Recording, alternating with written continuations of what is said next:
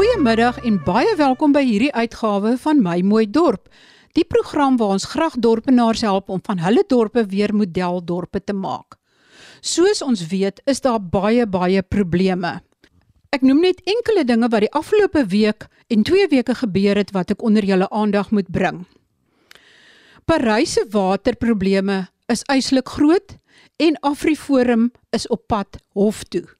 Ek bring julle volgende week meer inligting oor die presiese probleme wat in Parys gebeur, want daar is geweldige rioolbesoedeling nie net in die dorp nie, maar in die hele Suid-Afrika se watertoevoere. Rosendal se krane is ook droog. In Nelson Mandela Bay is die afgelope maand of 2 meer as 5000 lekkasies herstel van pipe meer as wat in die vorige 15 jaar herstel is. En dit is omdat daar swart van geen water in die krane oor almal se koppe hang. Maar dan bring ons ook 'n paar positiewe stories. Die eerste is die omeswaai in die Harry Smit gebied vandat die MAP 16 gemeenskapsorganisasie daar oorgeneem het en daar nou weer water in krane is en onderhandelings met Eskom al ver gevorder het sodat die krag nie daar afgesny kan word nie. Ons kyk ook na insetsel van Mariska Spoormaker oor dinge wat in Jeffreys Bay gebeur en waar die gemeenskap en die munisipaliteit saamwerk. Die derde insetsel is deur Ignas Kleinsmid en hy bespreek die kwessie mag Eskom krag afsny van munisipaliteite wat hom geld skuld.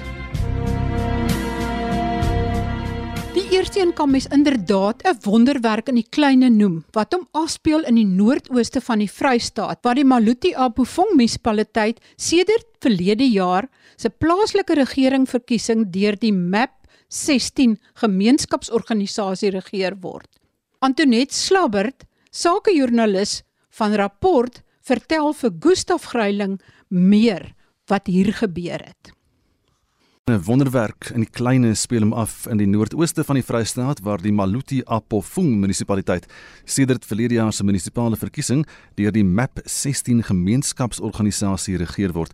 Nou die ANC was skaars uitgeskop of dinge het weer begin werk uh, in die dorpe daar in die omgewing. Antoinette Slabbert is 'n sakejoernalis by die Sondagkoerant rapport en sy het 'n draai gaan maak op dorpe soos Harry Smit en Putatijaba om te sien wat daar op grondvlak aan die gang is en ons praat vanoggend met haar oor haar gewaarwordinge. Antoinette goeiemôre.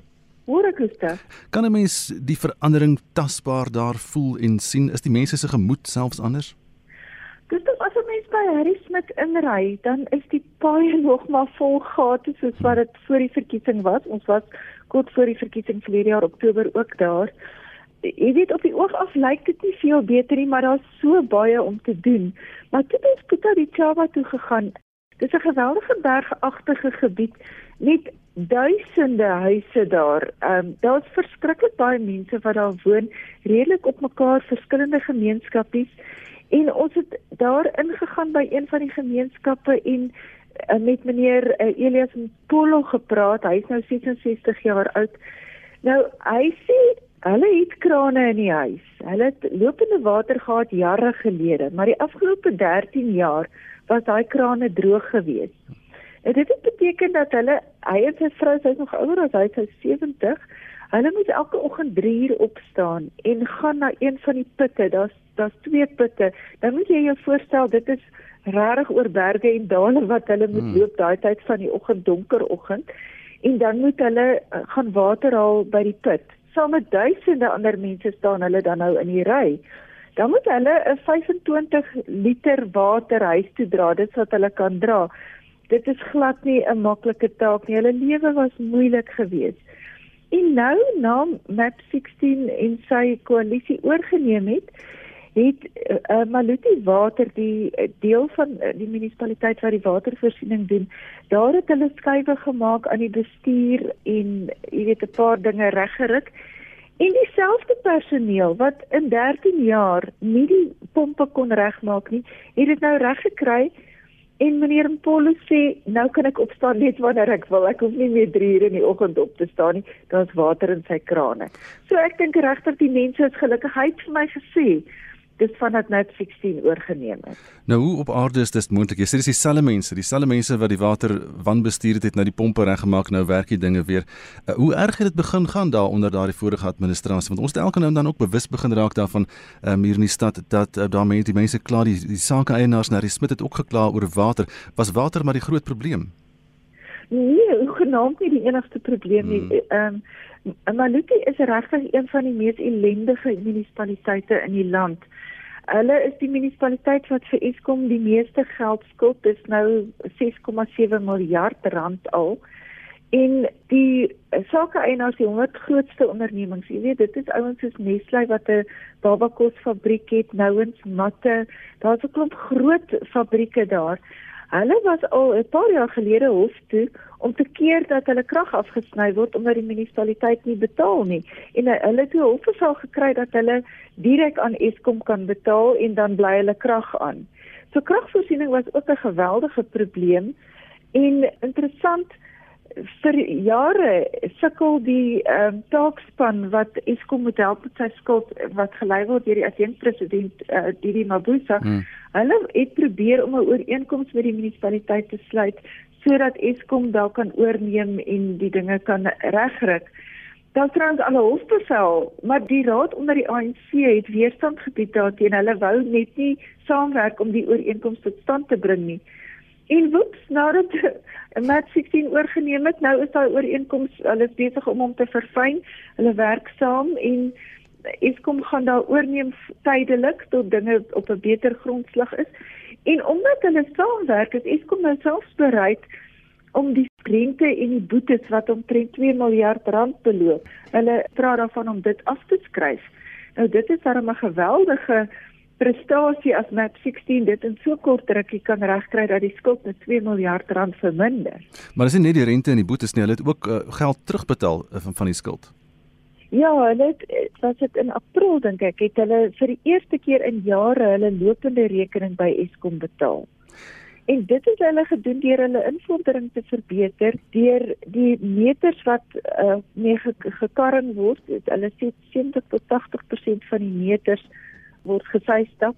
Hulle dit begin regmaak en dan het hulle hulle ander fooie, jy weet, eiendomsbelasting, daai tipe goed, het hulle beter begin invorder want dan was vroeër nooit rekeninge gelewer eers. Hm. Maar hierdie veranderinge is nou basies maar 8 18 maande gelede wat hierdie Map 16 organisasie dit kon regkry uh, om die ANC te ontsetel. Hoe het hulle dit reggekry? Mense verwag gewoonlik dat 'n oppositieparty 'n regering moet ontsetel. Waar kom Map 16 vandaan? Hoe pas hulle in die prentjie in? Uh, Map 16 is 'n gemeenskapsorganisasie. Uh, dit is mense wat grootendeels in Pietermaritzburg woon en dis oud ANC-lede daai mense ek het met uh, Paraklane Mklaung die speaker nou en hy was die woordvoerder van Net 60. Ek het met hom gesels in Oktober voor die verkiesing en nou weer. En hy het my gesê hy was een van die mense wat destyds die ANC gevestig het in daai omgewing. En dit was 'n sterk ANC gesinde gebied. Hulle het net keelvol geraak vir die korrupsie veral onder Ysmagashule in in die Vrystaat en hulle kon nie regkom met die ANC nie. Hulle het koppe gestamp en op die einde het hulle besluit die enigste uitweg is om hulle eie beweging te begin, eintlik maar 'n gemeenskapsorganisasie. Hulle moes toe later registreer as politieke party om aan die verkiesing te kan deelneem. Mm. Maar die ANC het hulle al gevra om terug te kom, maar hulle sê net nee wat uh, ons het een keer 'n organisasie gebou, ons gaan dit weer doen en hulle het eintlik aangekondig dat hulle ook in 2024 die provinsiale verkiesing gaan veg. Kry mense indruk dat hierdie nuwe spreker, burgemeester en die administrasie nou daar uh, in die munisipaliteit in beheer van dinge is dat hulle verantwoordelikheid neem vir die dinge daar bereid is om te om goed op hulle self te neem om te konsulteer of te koördineer oor die groot kwessies soos die krag en die water en, en alles en nog wat. Ja, ek dink die ding wat vir my uitstaan is dat hulle fokus daarop is om dienslewering te verbeter. Daar's nie onderlinge bekleierery nie, daar's nie 'n gestoei om tenders te kry en fokus op tenders nie. Die fokus daarop is om die krag en die water reg te kry en daarna die invordering te verbeter sodat hulle ander dienste kan uitbrei. In hulle begroting wat hulle nou voorgelê het, het hulle byvoorbeeld 'n vaste heffing ingebou vir die duisende eiendomme veral in Puta di Chava waar daar nie titelaktes is sodat hulle darm 'n inkomste kan kry want jy kan mos nou nie eiendomsbelasting hê op 'n eiendom as die die persoon wat daar woon nie titelakte het nie. So hulle hoop om uh, vaste heffing van so 100 tot 150 rand in te stel. En hulle sê die gemeenskap is bereid om dit te betaal want hulle sien dis tot hulle eie voordeel op die ou end. So mense sal dit moet dophou. Ek dink dit is 'n redelike nuwe oplossing. Ons sal moet dophou of dit inderdaad so goed aanvaar word en uh, of hulle dit kan regkry om dan hulle invordering op te stoot. Maar ja, vir hulle is definitief die gemeenskap eerste. Baie dankie aan Gustaf Greiling en Antoinette Slabbert vir hierdie insetsel. Daar is dorpe waar dit al beter gaan. Kroonstad is 'n baie duidelike voorbeeld waar die gemeenskap en die munisipaliteit saamwerk om die dorp te verfraai en om dienslewering te verbeter. Ons het al daaroor gepraat en ek sal weer in my program met van hierdie rolspelers praat. Maar Jeffreys Bay is ook so 'n dorp. Vir die besoeker wat na 'n paar jaar weer die vakansiedorp binne ry, is dit opvallend hoeveel plekke verfraai is en hoe netjies dit lyk. Dit is so, vertel die inwoners, want talle huiseienaars, die dorp van drome projek en die munisipaliteit is by die spanpoging betrokke.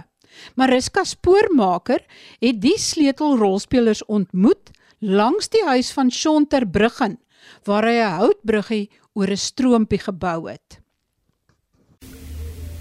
Hier is nou die stroompie wat van uh, soos ons verstaan kom dit daar van die die dammetjie bo in Bushwelle straat begin het.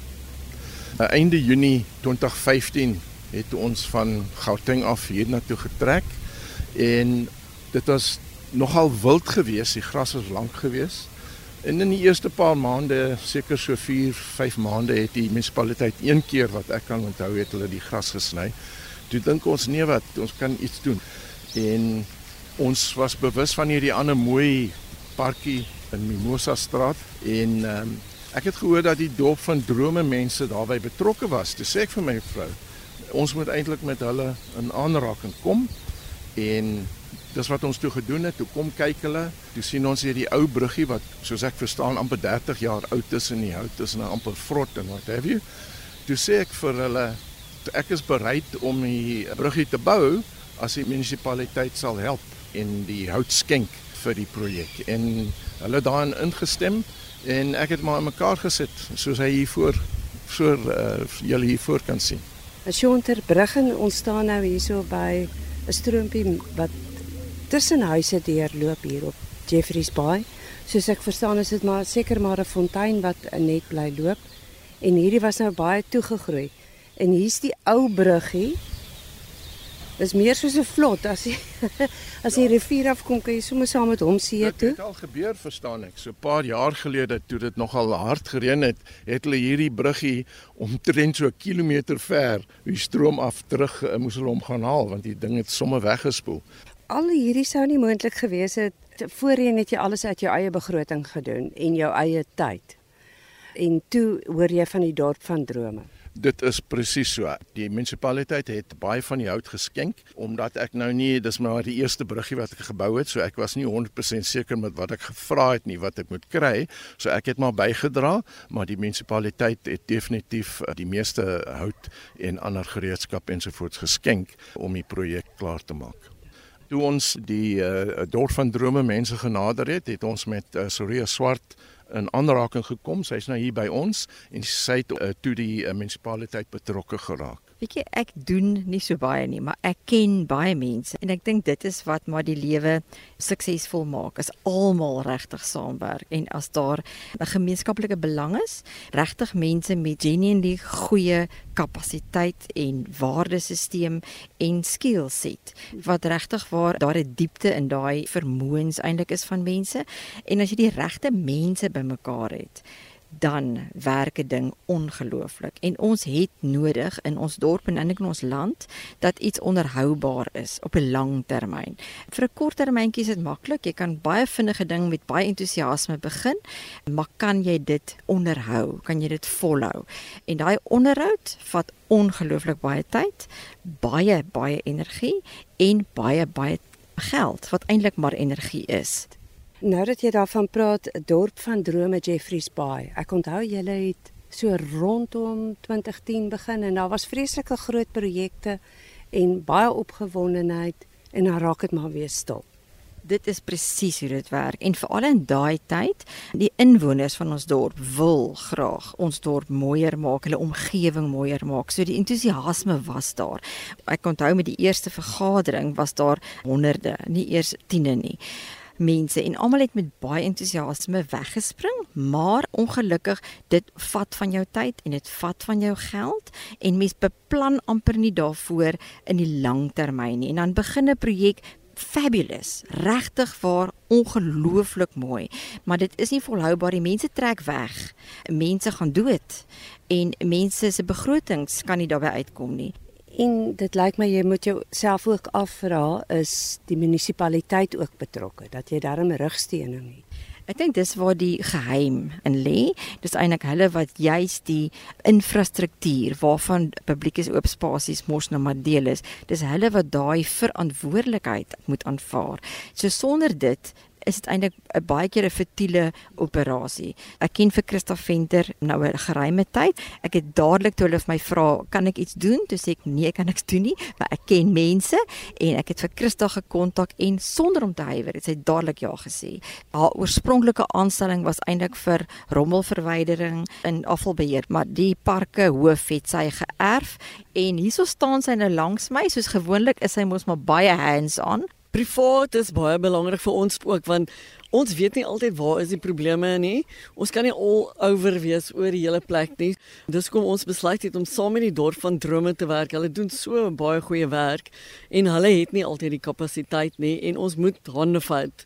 So wat hulle dan doen is hulle identifiseer 'n plek en dan sê ons ook okay, goed, wat kan ons van die munisipaliteit se kan doen? En hulle herinner ons dan asseblief ons moet kom help met die onderhoud ook van dit wat hulle wel doen.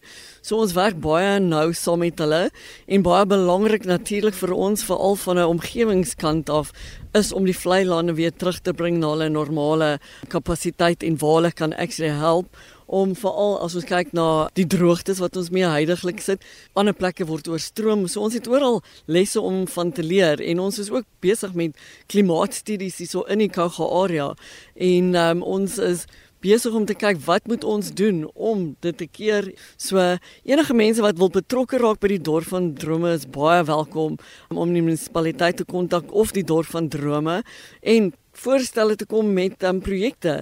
Ek dink as ons almal saamwerk, kan ons weer die beste munisipaliteit in Suid-Afrika wees. Ons is op die oomblik die beste munisipaliteit in die Oos-Kaap, maar ons wil graag die beste in Suid-Afrika wees.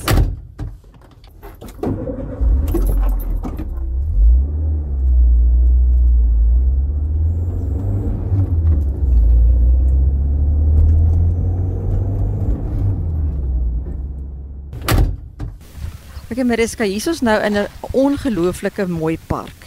En dis 'n enorme stuk grond wat eers net bossies was en onkruid eintlik. Daar agter kan jy nog sien, daar staan nog steeds bossies en onkruid.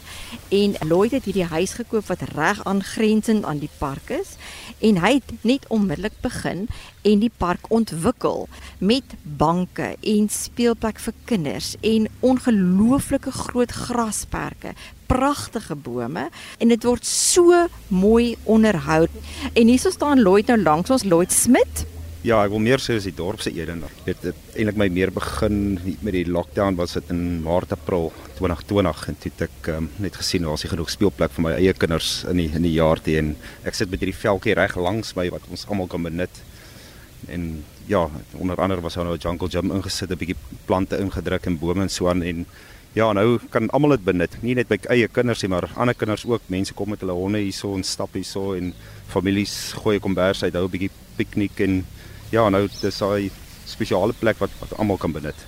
En die waardering van die gemeenskap ook is Daar kom baie keer karre hier verbygery. Hulle stop en hulle sê kan hulle enige plante skenk vir die park. Jy weet sodra die gemeenskap ook 'n bietjie by tot die park of die veld. En dan wil ek net by jou weet as die munisipaliteit en dorp van drome is hulle het hulle ook nou agter jou ingeskryf?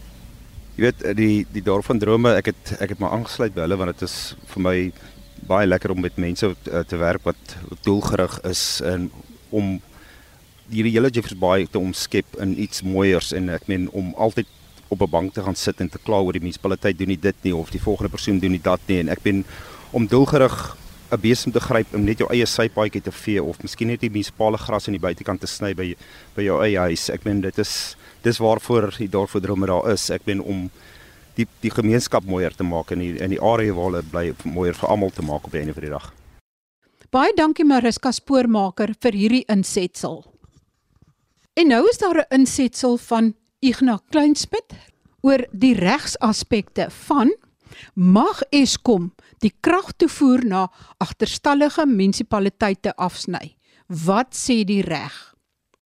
Luisteraars, ja, u en ek en ons betaal ons elektrisiteitsrekening baie mooi stiptelik en ook ons waterrekening aan ons plaaslike munisipaliteit en uh, maand vir maand kom ons ons plig na en dan skielik in sekere gebiede lees ons in die koerante of word dit werklikheid dan word die krag afgeskakel omdat die persone aan wie ons dit betaal het by die munisipaliteit, die plaaslike bestuur nie die rekening by Eskom vereffen het nie.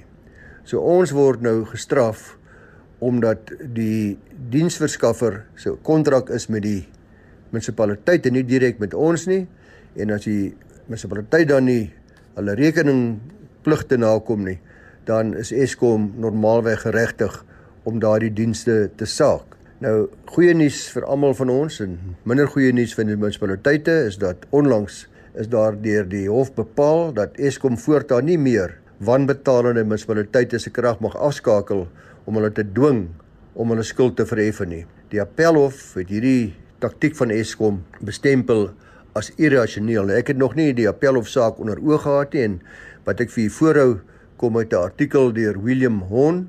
Hy skryf onder andere dat eh uh, Piet Leroux, die uitvoerende hoof van Sakeliga, het gesê dat die wydverspreide aard van Eskom se elektrisiteitsonderbrekings by wanbetalende munisipaliteite het dringende ingryping genoodsaak. Die Sakeliga het hom toe einde verlede jaar, is nou einde 2020 onder andere laat voeg as 'n vriend van die hof, Amicus Curiae, met die saak tussen Eskom en Resilient Properties. Want Resilient Properties het die saak in hang gemaak om te sê maar Eskom kan nie krag afsny as hulle behoorlik betaal het aan die plaaslike bestuur nie. Nou dit het oor die land heen al en baie mense wat luister sal dit nou weet, al redelike algemene praktyk geword om betalende verbruikers as spionne te gebruik om munisipaliteite te dwing om te betaal die kragtoevoer na nie betalende en betalende verbruikers sê William Hon word gestaak totdat die munisipaliteit met Eskom oor die inkomste oor skuld sluit. Nou die gevolg hiervan sê meneer Leroux was 'n ernstige agteruitgang van nywerhede in die dorpe oor die land heen wat 'n bose kringloop van plaaslike ekonomiese ineenstorting tot gevolg gehad het en dit het veroorsaak dat hulle Eskom nie meer kon betaal nie.